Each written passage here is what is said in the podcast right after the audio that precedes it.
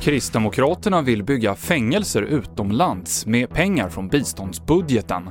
Till de här fängelserna, i till exempel Somalia och Afghanistan, vill man skicka utländska medborgare som dömts i Sverige och ska utvisas efter avtjänat straff.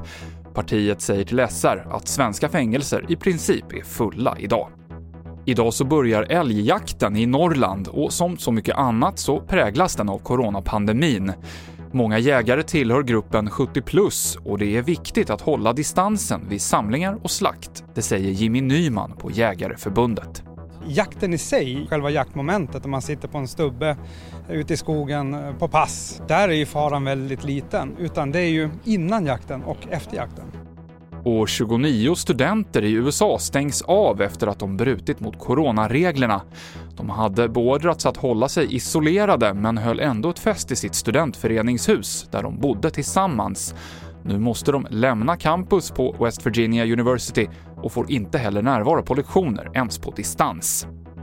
Det var TV4-nyheterna med Mikael Klintevall.